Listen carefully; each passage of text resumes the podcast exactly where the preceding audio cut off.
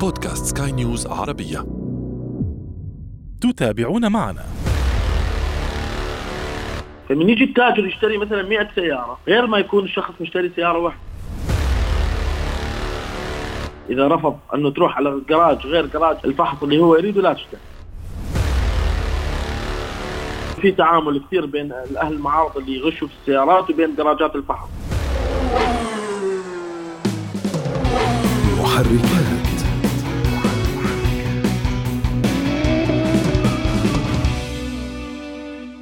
أي الوجهات تفضل؟ هل تفضل شراء مركبة جديدة من الوكالة أم المستعملة من المعرض أم من الإنترنت؟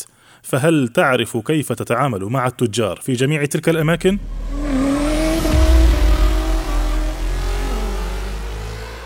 أهلا بكم مستمعينا في محركات برنامج البودكاست الذي يهم كل من يقود أي نوع من المركبات أو حتى يجلس فيها نحن هنا نهتم بتقوية ثقافة المركبات لديكم وفي كل حلقة نفتح أحد الملفات ولا نغلقه قبل أن نصل إلى نتيجة وتوصيات. أعده وأقدمه لكم أنا أشرف فارس عبر أثير سكاي نيوز عربية. محركات.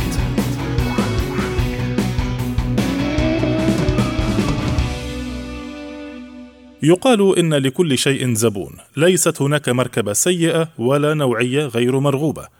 كل مركبة لها زبونها الذي يرغبها. قديمة كانت أم جديدة مرغوبة في هذا السوق أم قليلة الوجود. فلولا اختلاف الأذواق لبارت السلع. وكذلك الحال لمنافذ البيع. فهناك من يفضل البحث عن المركبة المستعملة عبر الإنترنت وهناك من يثق في المعارض ويفضل الذهاب إليهم لوجود الكثير من الخيارات تحت سقف واحد. وهناك زبون السيارة الجديدة الذي لا يحتمل فكرة الذهاب إلى المدينة الصناعية يوما ولو بعد حين. هذا النوع يفضل طبعا التعامل مع وكالات السيارات مباشرة. لكن الواقع يقول إن لكل منفذ بيع أسراره وخباياه للحصول على أفضل النتائج ولتفادي الوقوع ضحية للتغرير أو الغبن حتى وإن كنت ستشتري مركبة جديدة فما لم تكن عاقدا العزم على شراء مركبة معينة ولأسباب محددة أنت تعرفها جيدا فأنت بطبيعة الحال أحد أهداف بائع المعرض الذي قد لا يهدف لإرضائك بقدر ما يهدف لتحقيق مبيعات أعلى وتصريف بضاعة معينة. إذا فإن التعامل مع التجار والمعارض ملف يستحق أن نفتحه اليوم ولهذا معنا عبر الهاتف من مملكة البحرين السيد أثير الدليمي مالك معرض لبيع المركبات. أهلا بك سيد أثير. أهلا وسهلا. هلا بيك حياك الله وحيا الله المتابعين. حياك الله أثير. بداية يعني هي شجاعة كبيرة منك أن تخرج معنا لتعطينا أسرار البائعين. لا بالعكس بالخدمة إن شاء الله دائما لكل زبون ولكل آه، شخص نقدر نفيده في أي معلومة. طيب أنا عندي سؤال. سوف أبدأ معك بالسؤال المعتاد. يعني هناك الكثير من الأفكار المغلوطة الشائعة أه، بين الناس حول المعارض تحديدا بما أنك صاحب معرض. يعني ربما لديك فكرة عن هذه الأفكار. ما هي أبرز هذه الأفكار المغلوطة؟ والله بصراحة آه، أي فكرة تتولد عند الزبون فهي تتولد من تراكم أغلاط آه، التجارة هاي هي تجارة السيارات. آه، كون أنه إحنا بضاعه مستهلكة وكون أنه نعتبرها إحنا ثالث أكبر آه، تجارة من بعد آه، الذهب والعقارات. فإحنا عندنا شغلة استهلاكية فالشغلة الاستهلاكية ممكن كثير من الناس بعد ال 18 سنة يعني نسبة عالية من من البشر آه، راح يملكون سيارة بعد بعد عمر 18 سنة فكل نعم. ما تكثر فكل ما يكثر عدد زبائن البضاعة كل ما راح تكثر مشاكلها فكل زبون ممكن يتعرض لشيء مو كويس. طبعا يذكره قدام العالم أما لو تعرض لشيء كويس ما راح يذكره قدام العالم. هاي طبيعة بشرية يعني. فمن من تتعرض الموقف ورا موقف ورا موقف يعني في بعض الناس تأخذ فكرة إنه أهل المعارض مثلا غير صادقين في التعامل. نعم. فهي هاي أكثر فكرة شائعة لأهل المعارض رغم أنه هي فكرة غير صحيحة ولكن تولدت من أغلاط تحصل ما بين الزبون وما بين صاحب المعرض أو السيلز اللي قائم في المعرض. يعني هي أنت تقصد أخطاء في التعامل؟ يعني فكرة لم تصل بشكل واضح للزبون وبنى عليها آه، فكرة أنه يتم آه، آه، سرقته بطريقة أو بأخرى؟ أو قد يكون هو تاجر غير صادق في التعامل يا أما هاي الفكرة أو قد يكون تاجر غير صادق في التعامل. فبنت فتبنى فكرة على فكرة هذه مع هذه تجمع تنتج عنها أنه يقول لك مثلا أهل المعارض مو صريحين في التعامل أو عندهم بعض نوع من الغش والخداع. طيب. ولكن مو كل أهل المعارض سوا مثل ما كل مو كل اصابعك سوا. وبالعكس أنا أعتبر المعرض هو آه، مصدر آمن لشراء أي سيارة من أفضل من غير مكان. طيب جميل جدا. أنا سوف أدخل معك بعد قليل في أنه التجار من الأماكن الأخرى غير المعارض لكن بما أننا الآن نتحدث عن المعارض دعني نأخذها خطوة خطوة. آه، المعرض بطبيعة الحال من حقه أن يربح. هذا لا مراء فيه. تمام؟ لكن إذا كان صاحب المعرض يشتري مركبات مستعملة من السوق نفسه ويبيع في السوق نفسه فكيف له أن يربح؟ يعني هنا السؤال الذي يطرحه أي زبون. إذا كنت أنت تشتري بسعر يقارب سعري أنا الذي أشتريه كمستهلك عادي كيف نعم. لك أن تربح؟ وإذا بقيت هذه المركبة أمامك ربما شهر اثنين ست شهور ربما سنة تبقى أمامك وسعرها يتغير. بالذات في دول الخليج وفي الكثير من دول العالم آه، أسعار المركبات مثل البورصة تنزل بسرعة وترتفع بسرعة أيضا. صحيح أكيد 100% كيف لصاحب المعرض أن يربح في مثل هذه الحالة؟ مصادر البضاعة. مصادر البضاعة لها دور كبير اشرف في آه، في أسعار السيارات. م. يعني مثلا آه، لو نتكلم على بشكل أكبر كعالم يعني مثلا أسعار السيارات في أمريكا م. تختلف عن أسعار السيارات في دول الخليج. م. كون أنه مثلا من مثلا اسعار السيارات في كوريا للهونداي آه كمستعمل نتكلم تختلف عن آه أسعارها في دول الخليج. ليش؟ لأنه أنت من يكون سيارة جنب المصنع مثلا أنت الزبون تكون جنب مصنع السيارات فأنت راح تكون تكلفة السيارة في كوريا أقل من تكلفتها مثلا في دول الخليج. نعم. فمن تجي نجي إحنا نحسب نحط عليها الشحن ونحط عليها الضريبة ونحط عليها الجمرك ونحط عليها كل هاي الأمور يبقى في فرقيه ربح ما بين سعر السيارة في دولة في كوريا مثلا أو في أمريكا م. وما بين آه عندنا في دول الخليج. يعني أم... أي تفضل كمل كمل. أما على مستوى السيارات الخليجية كسيارات خليجية في من التجار مصدر البضاعة المرجع نفسها في منهم يشترون بالجملة يعني في ناس في شركات تبيع ما بين آه كل ثلاث سنوات تغير سياراتها مو شرط أنه فيها ضرر ولا ولا مشيت كيلومتر عالي ولكن مثلا سياسة الشركة أو سياسة الدولة في بعض الدول تفرض على التجار آه، الشركات الكبيره تغير سيارتها كل ثلاث سنوات أو أربع سنوات. فيكون تغيير موجود طبيعي. فمن يجي التاجر يشتري مثلا 100 سيارة غير ما يكون الشخص مشتري سيارة واحدة. فهذه الفرقيات تلعب دور في بياخذها بسعر الارباح للمعارض. طيب آه، بعض المعارض يقدم سيارات جديدة موديل السنة التي نحن فيها الآن وليس موديل السنة فاتت. سيارات جديدة وحديثة ويقدمها بسعر أرخص من الوكالة كيف يقوم بهذه المعادلة؟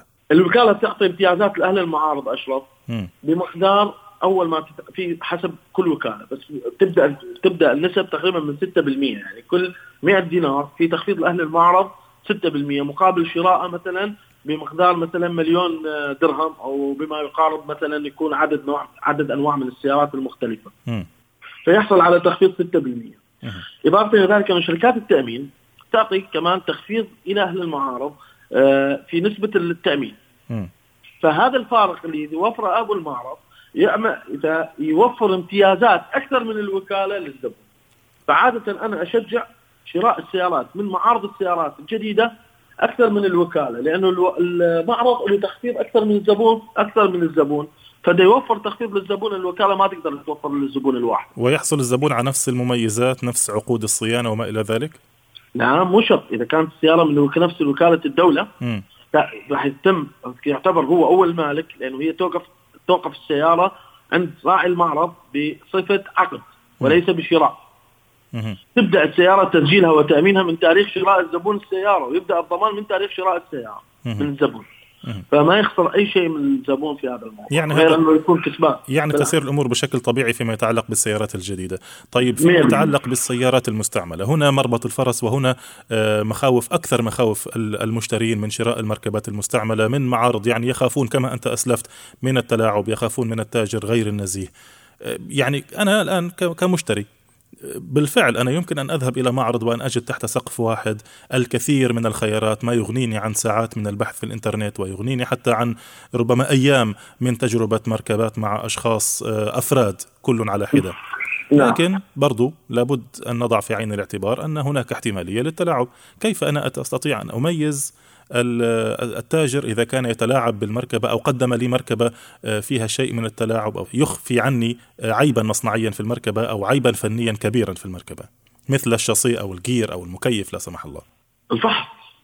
فحص السيارات الحين حاليا إحنا في زمن 2021 يعني زمن التكنولوجيا.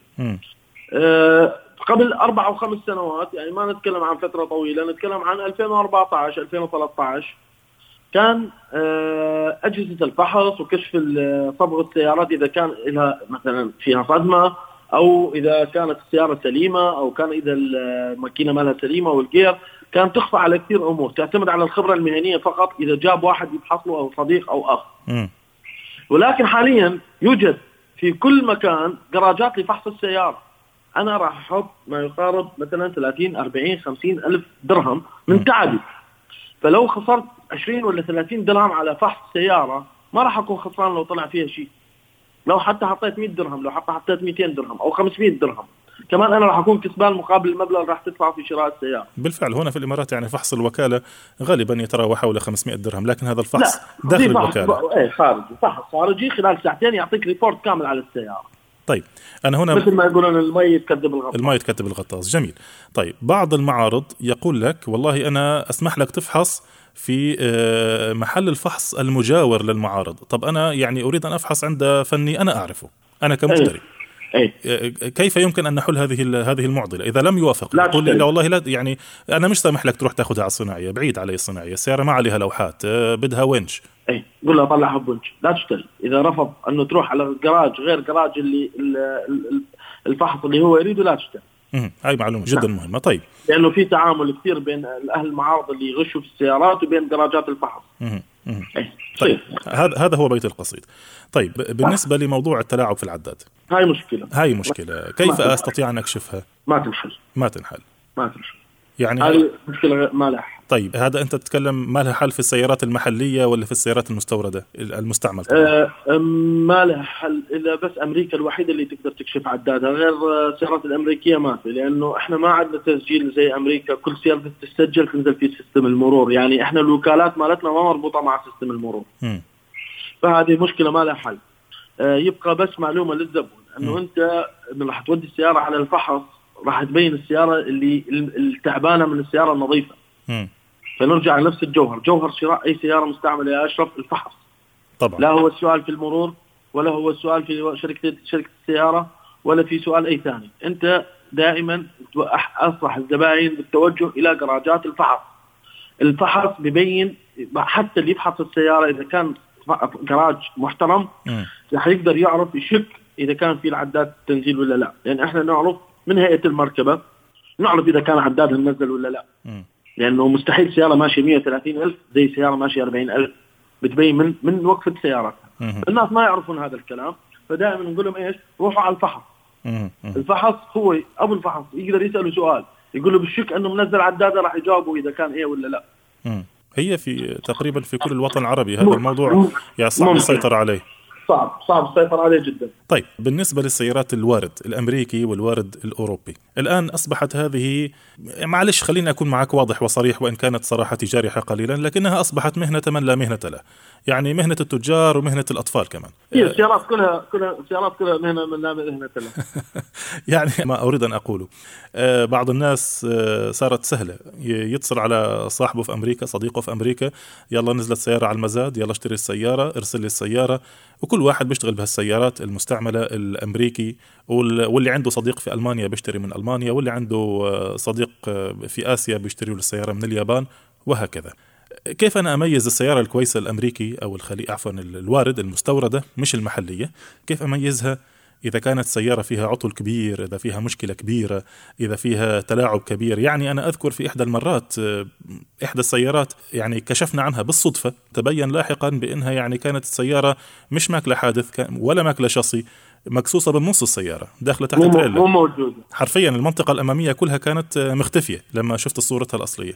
الآن يعني قد أنا كأشرف قد أقول أن عندي بعض الخبرة في البحث لكن بالنسبة للمشتري العادي يمكن أن يغبن بسهولة. فكيف بإمكاني أشيك ورا السيارة الأمريكي؟ أنت قلت من شوي معلومة انه السيارة الأمريكي ممكن أشيك على عدادها.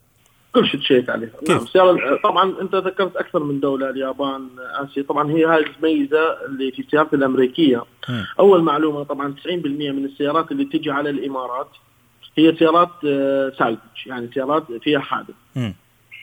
آه، طبعا جوجل موجود تقدر بس تحط رقم الشاصي على جوجل تبين لك كل ميزات كل آه، شنو نوع الحادث اللي كانت اللي كان فيه السيارة. مم. أنت بعد أنت ونفسيتك وتقبلك للموضوع في سيارات تكون ضرباتها خفيفة وفي سيارات تكون ضرباتها قوية. فاللي ضرباتها خفيفة أنا. يعني عادي واحد يشتري لأنه هذا حادث مهيئ يعني ممكن يحصل لا سمح الله معاك أو مع اي شخص. فهي كل شيء بقيمته. فالقيمة المالية اللي أنت تفرض عليك آه راح تشتري سيارة فيها حادث أو ما تشتري سيارة ما فيها حادث. فاللي راح يحكمك المادة فقط في هذا الموضوع. أما من ناحية الكشف عن الموضوع طبعا هو بس تحطه على الجوجل بيبين عندك كامل التفاصيل. فشغلة سهلة يعني. يعني مجرد فقط وضع رقم الشاصي على محرك البحث جوجل وتظهر لي كامل التفاصيل فعلا؟ كامل لا لا يحتاج الأمر إلى باسورد أو اشتراك. لا لا ما يحتاج. طيب أنت ذكرت منذ قليل أن كل السيارات التي ترد من أمريكا كلها سالفج كلها 90% تعرض. 90% طب لماذا؟ لأن السعر السعر المشكلة أنت كزبون من تدور سعر قليل لازم تروح على شيء مو نظيف. يعني أنا مثلا أنا من الأشخاص اللي عندي سيارة مثلا اشتريت للبيت سيارة لكزس موديل 2018 مم. سعرها في الوكالة ما يقارب ال 200 ألف درهم مم. أنا السيارة ما أخذت 90 ألف درهم مم. و2018 ماشيه 8000 فهذا الكلام اللي خلاني أشتري هاي السيارة سعرها فأنا راكب سيارة موديل 2018 أنا بالنسبة لي كشخص أنا ما بيهمني الحادث. أنا المهم الماكينة والجير وهيئة السيارة بتوديني وتجيبني. أما إذا كان في البادي صبغ أنا الصبغ ما ما خلاص صلح وانتهى. فأنا في كثير أشخاص يقول لك أنا ما لي علاقة بالسيارة فيها حادث. أهم شيء السيارة ما فيها مثلا ضربة شاصي. مثلا أهم شيء السيارة الماكينة والجير ما صايبهم شيء. أنا من هالأشخاص. ليش؟ لأنه عادة أنت من تدور سيارة. أهم شيء اللي راح يوديك الشغل ويجيبك الشغل هو الماكينة والجير وليس البادي. فهو البادي عبارة عن شيء تشكيلي فقط. بالمناسبة يعني في بعض الأسواق يقلبون الميزان يعني يستخدمون نقطة الصبغ بالعكس يعني إذا جاءت سيارة فيها صبغ أو مصبوغة عوضا أن يعتبروا ذلك ميزة أنك صبغت المركبة على حسابك سوف يعتبرون ذلك نقيصة من منطلق. أنه ليس صبغ الوكالة. يعني هناك حادث في هذا المكان. نعم. طيب. نقلل من سعر السياره ولهذا قلنا السعر. يعني إحنا نشتريها فيها حادث عشان السعر. فالكلام صحيح. طيب. يعني أنت من تشتري سياره فيها حادث راح يكون سعرها أقل من السياره اللي ما فيها حادث فراح يقلل من السعر. طيب أعود معك مرة أخرى إلى السيارات المستعملة ولكن الآن نريد أن نقارن قليلا بين آه، بين مثلا ما يباع في المعرض وبين ما يباع على الإنترنت من قبل أفراد وأشخاص وبين ما تعيد الوكالات بيعه المركبات المرتجعة. نعم. يعني كيف تقارن بين هذه الثلاث؟ تحدثنا عنكم أنتم كمعارض لكن عن الأفراد الأشخاص وعن الوكالات المرتجع لدى الوكالات هناك فرق كبير بين سعر الوكالة حتى في المستعمل الوكالة حتى غالية في المستعمل. نعم. نعم. وال والأفراد يعني كل شخص يضع السعر الذي هو يراه مناسبا. كيف أستطيع أنا أن أفاضل؟ هل ما هو يخرج من الوكالة بطبيعة الحال ممتاز؟ ما له علاقة. عندك أنت ذكرت لي ثلاث أنواع من من الأشخاص اللي ممكن يبيعون السياره كبائعين. فراح أف- أنا طبعا مريت في كل المراحل هذول. يعني أنا أول ما بديت حياتي في الشارع بعدين آه، اشتغلت في وكالة وبعدين الحمد لله الله صار صاحب معه فأنا اشتغلت في الثلاث أمور هذول. في قديم الزمان وقبل ما يطلع آه، الانستغرامات وتصير تجارة السيارات تجارة شائعة. وكان كان الناس تبيع وتشتري في الشارع آه، عبارة عن أشخاص طبيعيين أشخاص عاديين قاعدين يبيعون يشترون في مثل ما قلنا آه، مهنة لا من لا مهنة له. الحين الحين في الوقت الحالي أنه أنا بلاحظ 90% و95% من الجماعات اللي يشتغلون خارج المعارض هم أكثر ناس ناصبين على الناس يعني أكثر ناس قاعدين يشتغلون في الغش. لأنه ليس لهم مرجع يعني ما تقدر بس مجرد أنه باع السيارة هو يكون صاحب معرض. ومعطيها لأشخاص مثلا هم يشتغلون في السيارات يعني مو سيارة شخصية مم. 10% أو 5% من السيارات الشخصية تنعرض على اولكس والإنستغرام مم. و90% قاعدة تلعب السيارات هي تابعة لهالمعارض بس السيارات اللي فيها مشاكل. فعشان لا يجيب سمعة على معرضه يعرض سيارته برا معرض طيب هاي كيف أميزها؟ لا تتعامل مع الأشخاص اللي بالشارع يبيع. عندك هو- أنت الدولة حاطت لك. شوف هذا الموضوع فضفاض. يعني أنا الآن لمن يبحث عن السعر الأقل أول شيء يفعله يفتح على الإنترنت على مواقع الإنترنت. أنت ذكرت أوليكس ولدينا هنا دوبزل ومواقع أخرى. أفتح الإنترنت وأبحث عن الإعلانات. كيف أميز إذا كان هذا الإعلان لبائع حقيقي مالك المركبة الحقيقي أم هو معرض ويستتر وراء شخص آخر؟ ما راح تقدر تميز لأنه الشغله فيها غش يعني فما راح تقدر تميز. يعني انت أنا من الناس ما راح اعرف انه هذا صاحب معرض ولا هذا مو صاحب معرض شخص راح يرد علي طبيعي عندك سيارة فلانية نعم عندي بيقابلك في مكان معين وأنا كثير صارت معي مم. يعني أتوجه وأروح لهناك ولا أشوف سيارات متهمين مكنسلين. عارضيها ناس باكستانيين ولا من الجنسيات الآسيوية. مع احتراماتي لهم وقاعد آه، يبيع السيارة بال آه، كأنه سياره شخصيه ومال ماما ومال بابا يعني يعني شلون أقول لك يعني هذا الكلام اللي صار معي.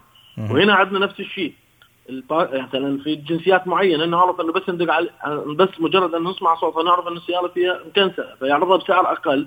حتى يجيب الزبون لها بس هي في البدايه النهايه السيارة تكون آه، مكنسله من شركة تامين.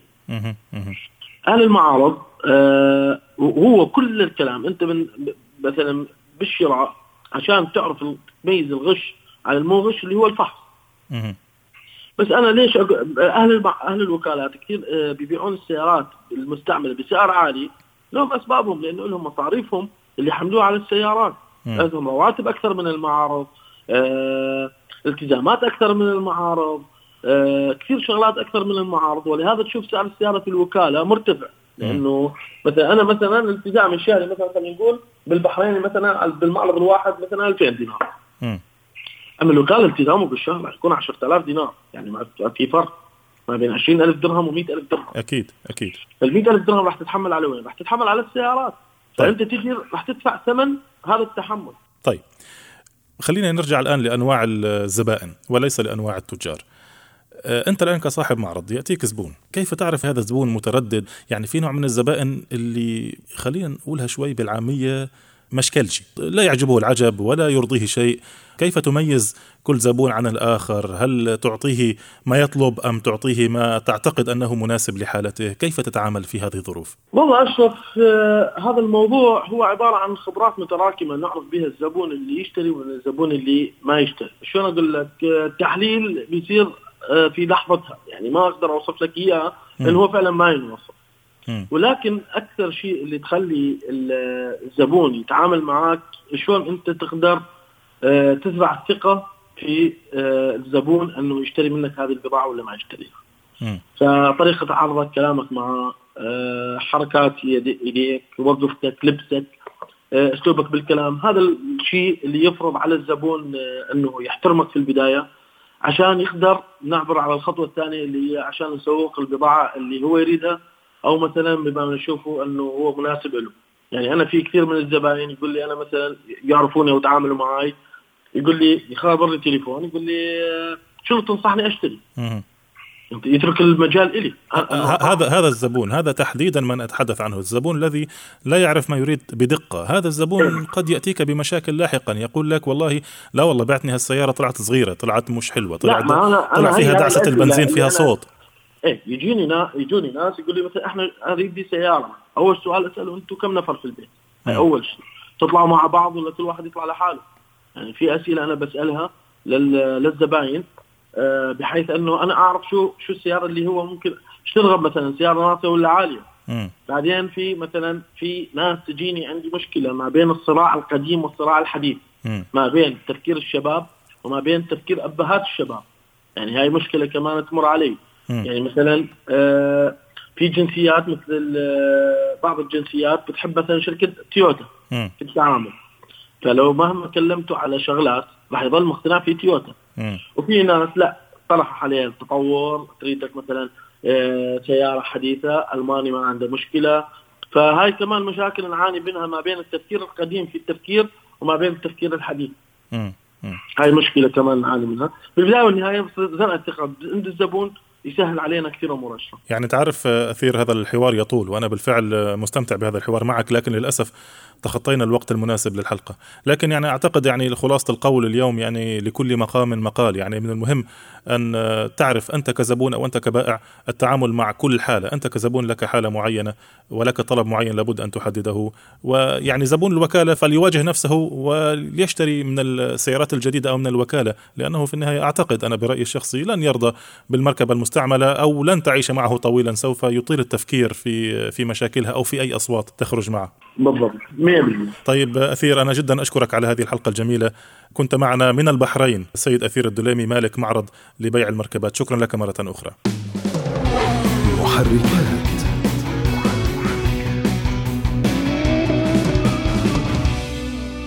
وأنتم مستمعين إذا حاز هذا البودكاست على استحسانكم نرجوكم إعطائه التقييم المناسب وإذا كانت لديكم أي تعليقات أو تحسينات يسعدنا دائما أن نستقبل رسائلكم. لا تنسوا دائما وأبدا متابعتنا عبر جميع منصات سكاي نيوز عربية. في الإخراج الفني كان مع إيدي طبيب في الإعداد والتقديم كنت معكم محدثكم أنا أشرف فارس. نشكركم مرة أخرى على حسن المتابعة. دمتم دائما وأبدا في أمان الله. مع السلامة. محركات.